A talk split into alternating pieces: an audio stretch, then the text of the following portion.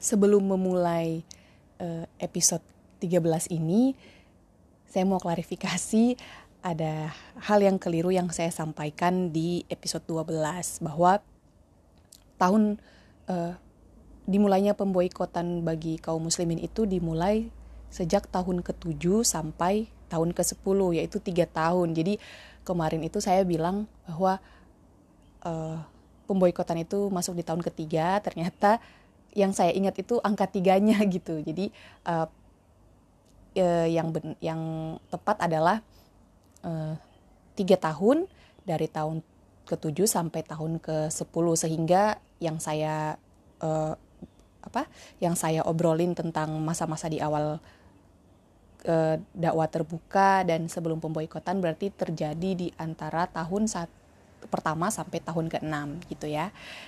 Uh, selamat mendengarkan episode ke-13 ini.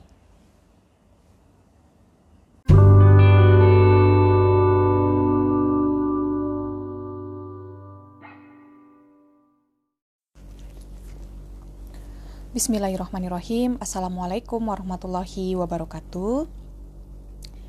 Kembali lagi di podcast Ngobrolin Rasul. Masih bersama saya Indri Jangko dan kita akan uh, ngelanjutin lagi soal eh, tindakan-tindakan kaum Quraisy di awal-awal masa dakwah terbuka ya. Uh, sebelum kita ngobrolin Rasul nih, kita mari kita uh, salawat masing-masing. Dipersilahkan.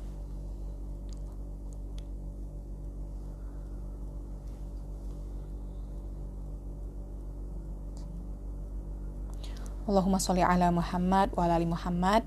Semoga usaha-usaha kita untuk ngobrolin Rasul uh, di berbagai media ini bisa apa ya menjadi modal kita lah supaya nanti insya Allah kita mendapatkan syafaatnya Rasulullah ketika uh, di hari akhir kelak. Amin ya robbal alamin. Nah, uh, di episode sebelumnya saya uh, ngasih tahu soal ini kan ya soal uh, labeling nih labeling kepada Rasulullah kira-kira yang tepat tuh apa sih gitu. Nah di situ ada uh, part yang menarik. Sebenarnya kan Walid bin Mugiro itu kan nggak nggak sepakat gitu dengan uh, awalnya nggak sepakat dengan uh, labeling tukang sihir gitu kepada Rasulullah. Tapi akhirnya kan uh, bersepakat. Nah waktu itu uh, sebagaimana diceritakan di buku The Great Story of Muhammad, Walid berkata seperti ini, uh, demi Allah, ucapan yang Muhammad katakan itu sangat manis dan punya daya magis karena indahnya. Akarnya ibarat tandan anggur dan cabangnya ibarat pohon rindang. Kalian tidak akan merangkai sesuatu pun yang mirip dengannya, melainkan akan diketahui celahnya. Sesungguhnya, pendapat yang lebih cocok mengenai Muhammad adalah dengan mengatakan bahwa dia adalah tukang sihir yang mengarang mantra yang dapat memisahkan seseorang dari bapaknya, saudaranya, dan pasangannya. Gitu. Nah, karena memang uh, ini ya, uh, kaum Quraisy sendiri itu sebenarnya menyadari bahwa Al-Quran itu tuh bukan buatan manusia. Kalau misalnya apa mengutip kata-kata dari Ustadz Noman Alikan di salah satu seminarnya uh, kaum Quraisy itu memang sadar bahwa Al-Quran itu beyond explanation gitu jadi uh, bahkan kan di kalangan Quraisy itu banyak penyair tapi mereka juga mengakui bahwa ini tuh uh, bukan satu hal yang bisa dikarang oleh manusia gitu para penyair pun uh, sadar bahwa ini tuh jauh lebih indah daripada syair yang bisa mereka ciptakan kayak gitu. Nah, ada penjelasan menarik soal ini. Jadi uh, Al-Qur'an itu kan apa? Banyak di dalamnya itu adalah bahasa-bahasa lisan gitu, yang langsung dari Allah mengatakan dan uh, misalnya langsung uh, menyapa, menyeru suatu golongan misalnya ya ayyuhalladzina amanu atau ya ibadi atau uh, ya ayyuhal kafirun kayak gitu kan ya banyak bahasa-bahasa lisan, bahkan sebagian besar adalah bahasa lisan gitu. Nah, kalau kita bandingin dengan bahasa lisan yang disampaikan oleh manusia, misalnya kayak saya sekarang ya, kalau misalnya ditanya beberapa detik yang lalu saya ngomong apa, kalau saya sampaikan lagi pasti redaksinya akan berbeda kan ya.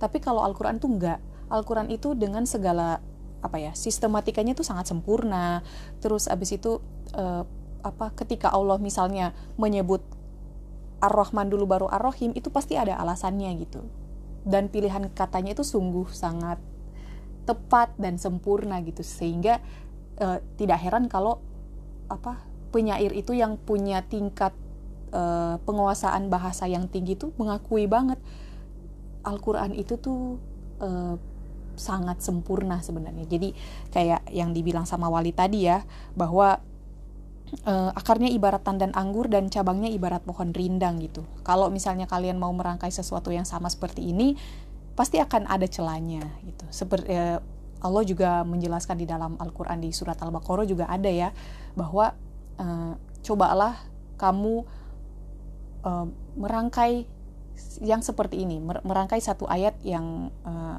yang kamu rasa akan sama dengan Al-Qur'an gitu. Dan panggillah penolong-penolongmu, ini saya kamu tidak akan bisa menyamainya kayak gitu.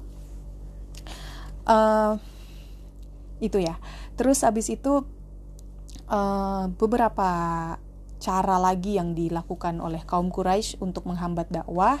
Salah satunya adalah dengan menghina Nabi Shallallahu Alaihi Wasallam dengan julukan Muhammad Al-Abtar atau uh, yang tidak bisa mempunyai keturunan. Padahal di sini kan uh, seperti yang kita tahu bahwa uh, pernikahan Rasulullah dengan Khadijah itu dikaruniai oleh enam orang anak, dua anak laki-laki dan empat anak perempuan gitu. Tapi dua anak laki-laki itu wafat di uh, waktu ketika masih kecil sehingga setelah Khadijah, ibunda Khadijah tidak bisa hamil lagi, maka inilah kesempatan bagi kaum Quraisy untuk mengata-ngatai Rasulullah karena Rasulullah tuh nggak pernah nggak punya legacy atau nggak punya keturunan selanjutnya yang bisa uh, melanjutkan risalah dakwanya beliau gitu. Tapi ini uh, ada hikmah sangat besar yang Allah uh, berikan gitu ya dengan uh, apa mening wafatnya dua anak laki-laki Rasulullah supaya memang uh, lebih makin firm nih bahwa uh, Rasulullah itu adalah Rasul terakhir yang nggak punya legacy langsung kayak gitu. Mungkin kalau misalnya ada legacy langsung, uh, apa namanya? Nanti akan berbeda ceritanya dan uh, pasti akan banyak perselisihan gitu di antara di antara umat Muhammad kalau misalnya Rasulullah tuh punya anak yang anak laki-laki yang uh, uh, masih hidup sampai dewasa kayak gitu. Kalau kita lihat kan uh, apa perselisihan itu juga ada kan ya. Sekalipun sebenarnya uh, apa ada sekali ya, Hasan dan Husain itu kan cucunya Rasulullah ya tapi uh, apa ada beberapa eh, klaim-klaim yang bisa membuat uh, perpecahan gitu karena uh, ada klaim keturunan langsung dari Rasulullah dan sebagainya kayak gitu. Jadi hikmahnya sebenarnya besar sekali. Dan uh, hinaan al-abtar ini uh, membuat uh, ibunda Khadijah sedih banget kan ya? Hatinya tuh sakit banget dengan mendengar ini. Uh, terus uh, Allah menurunkan surat al kautsar jadi kalau misalnya kita ingat kembali al kautsar itu kan di ayat terakhirnya memang ada kata abtar itu kan. Jadi uh, terjemahannya Quran surat al kautsar itu uh, Bismillahirrahmanirrahim, sesungguhnya kami telah memberi, memberikan kepadamu nikmat yang banyak, maka dirikanlah sholat karena Tuhanmu dan berkorbanlah. Sesungguhnya orang-orang yang membenci kamu dialah yang terputus gitu. Jadi al-abtar itu bukan karena uh, apa sesungguhnya bukan ditujukan untuk Rasulullah yang uh, legasinya terputus, tapi justru al-abtar itu adalah uh, apa ya sebutan bagi orang-orang kafir yang terputus dari rahmat Allah karena tidak mengakui Rasulullah sebagai uh, utusan Allah gitu. Selanjutnya uh, peristiwa lainnya uh, dua anak perempuan Nabi Shallallahu Alaihi Wasallam itu diceraikan. Jadi uh, Rasulullah dan Abu Lahab itu besanan kan ya. Jadi Rasul uh, anak perempuan Rasulullah yaitu Ruqayyah dan Ummu Kulthum itu adalah uh, istri dari anak-anaknya Abu Lahab. Nah, karena karena uh, Rasulullah itu semakin gencar dengan dakwanya, akhirnya Abu Lahab Abu Lahab memerintahkan kedua anaknya untuk menceraikan uh, Ruqayyah maupun Ummu Kulsum. Nah setelah itu kan Ruqayyah menjadi istrinya Utsman bin Affan, sedangkan Ummu Kulsum tidak ber, yang sudah berumur uh, tidak menikah lagi sampai wafat. Uh, nah di sini juga dijelaskan bahwa sebenarnya Abu Lahab itu tuh tahu bahwa apa yang disampaikan uh, Rasulullah tuh berada di jalan yang benar gitu, tapi karena egonya, karena nggak mau uh, apa ya apalagi kalau misalnya gengsi mungkin ya kalau uh, yang dulu dari awal tuh menentang-nentang Rasulullah terus tiba-tiba uh, beriman kan gengsi ya kayak gitu jadi uh, di sini dijelaskan bahwa uh, apa Abu Lahab berkata kepada para sahabatnya Aku tahu bahwa sesungguhnya dia berada di jalan yang benar. Akan tetapi dia tetap memusuhi Rasulullah meski hati kecilnya mengakui kebenaran Rasulullah. Kayak gitu. Insya Allah ya. Maksudnya uh, apa namanya?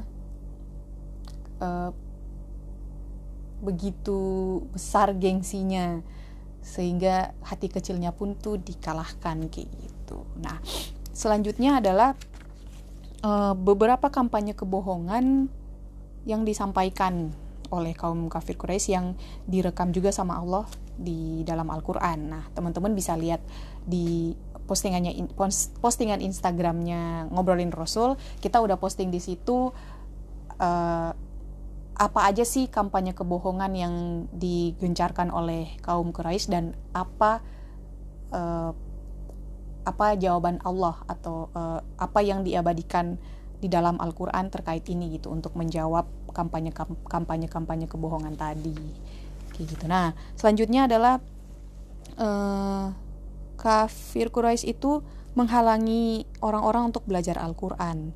Bahkan sampai apa namanya kayak misal kalau Rasulullah itu sedang membacakan Al-Quran mereka tuh nyanyi-nyanyi di depan Rasulullah supaya uh, apa yang sedang diucapkan sama Rasulullah itu di apa tidak terdengar oleh orang lain atau misalnya mendistract fokus Rasulullah kayak gitu-gitu ya. Sehingga uh, apa Rasulullah tuh jadi nggak bisa membaca Al membacakan Al-Quran di tengah-tengah mereka kecuali pada akhir tahun kelima masa kenabian gitu. Itu pun karena spontan jadi mereka nggak sadar kalau itu adalah ayat Al-Quran yang dibacakan sama Rasulullah gitu. Nah, uh, diceritakan di sini juga di buku The Great of The Great Story of Muhammad itu uh, untuk melawan firman-firman Allah yang dibacakan sama Rasulullah, kaum Quraisy itu merancang strategi untuk apa ya, mengumpulkan kisah-kisah masa lalu sebagai tandingan uh, terhadap Al-Qur'an gitu. Nah, jadi mereka mengutus Nador bin Harith ke uh, Hirah untuk belajar cerita-cerita tentang raja-raja Persia, Rustum, dan sebagainya supaya ketika Rasulullah membacakan Al-Quran mereka bisa uh, counter atau membacakan cerita-cerita yang jauh lebih menarik menurut mereka ya jauh lebih menarik daripada Al-Quran. Ya gitu. Bahkan sampai uh, apa ya sampai ke level di mana Nador itu membeli seorang budak, perempuan. Jadi ketika ada setiap orang yang uh, apa ya teridentifikasi sebagai orang yang tertarik untuk uh, mendengar seruannya Rasulullah itu tuh kayak ditawarin budak perempuannya gitu. Jadi budak perempuannya itu disuruh untuk melayani kebutuhannya gitu. Maksudnya sampai segitunya mereka untuk uh, menghalang-halangi dakwah Rasulullah itu. Udzubillah ya. Uh, terus abis itu ada juga hmm, jadi di suatu hari Rasulullah itu bersiap keluar keluar rumah gitu setelah pamit dengan Khadijah Rasulullah uh, membuka pintu rumah dan ketika uh, membuka pintu rumah di depannya di depan rumahnya itu ada kotoran kotoran hewan dan uh, duri gitu. Tapi beliau nggak marah. Dia beliau nggak marah uh, apa namanya maksudnya kalem slow gitu. Maksudnya gimana ya mungkin karena memang mentalnya beliau itu memang sangat kuat dan sudah siap dengan apa pun yang akan uh, di apa ya akan dilakukan kaum Quraisy kepadanya gitu. Uh, beliau berkata ini uh, siapa yang siapa yang melakukan ini gitu. Ternyata yang melakukan itu adalah tetangganya yaitu Ummu Jamil atau istri dari Abu Lahab. Nah, ada cerita menarik dari uh, antara istri Abu Lahab dengan Rasulullah ini. Jadi pernah uh, suatu saat itu si Ummu Jamil ini mencari Rasulullah dengan membawa batu besar di tangannya gitu karena ada mendengar ayat-ayat Al-Quran yang mengisahkan tentang dirinya dan suaminya di Quran, surat Al-Lahab itu ya tabat siada abilah habi watab itu juga kan uh, Quran surat Al-Lahab itu juga menceritakan tentang istri dari Abu, Abu Lahab kan. Jadi dia kayak tersinggung gitu terus nyari mana Muhammad, mana Muhammad kayak gitu. Nah, um, mereka bi uh, yang apa orang yang ditemui apa ya? Mereka uh, orang di Mekah itu bilang, "Oh, uh, Muhammad ada ada bareng sama Abu Bakar di Ka'bah gitu." Nah, akhirnya disamperin tuh sama sama Ummu Jamil kan. Tapi yang didapatin yang dilihat sama Abu uh, sama Ummu Jamil ini cuma Abu Bakar gitu. Padahal ada Rasulullah di sebelahnya Abu Bakar tuh. Tapi uh, beliau nggak melihat cuma kayak mana mana si Muhammad itu kayak gitu kan.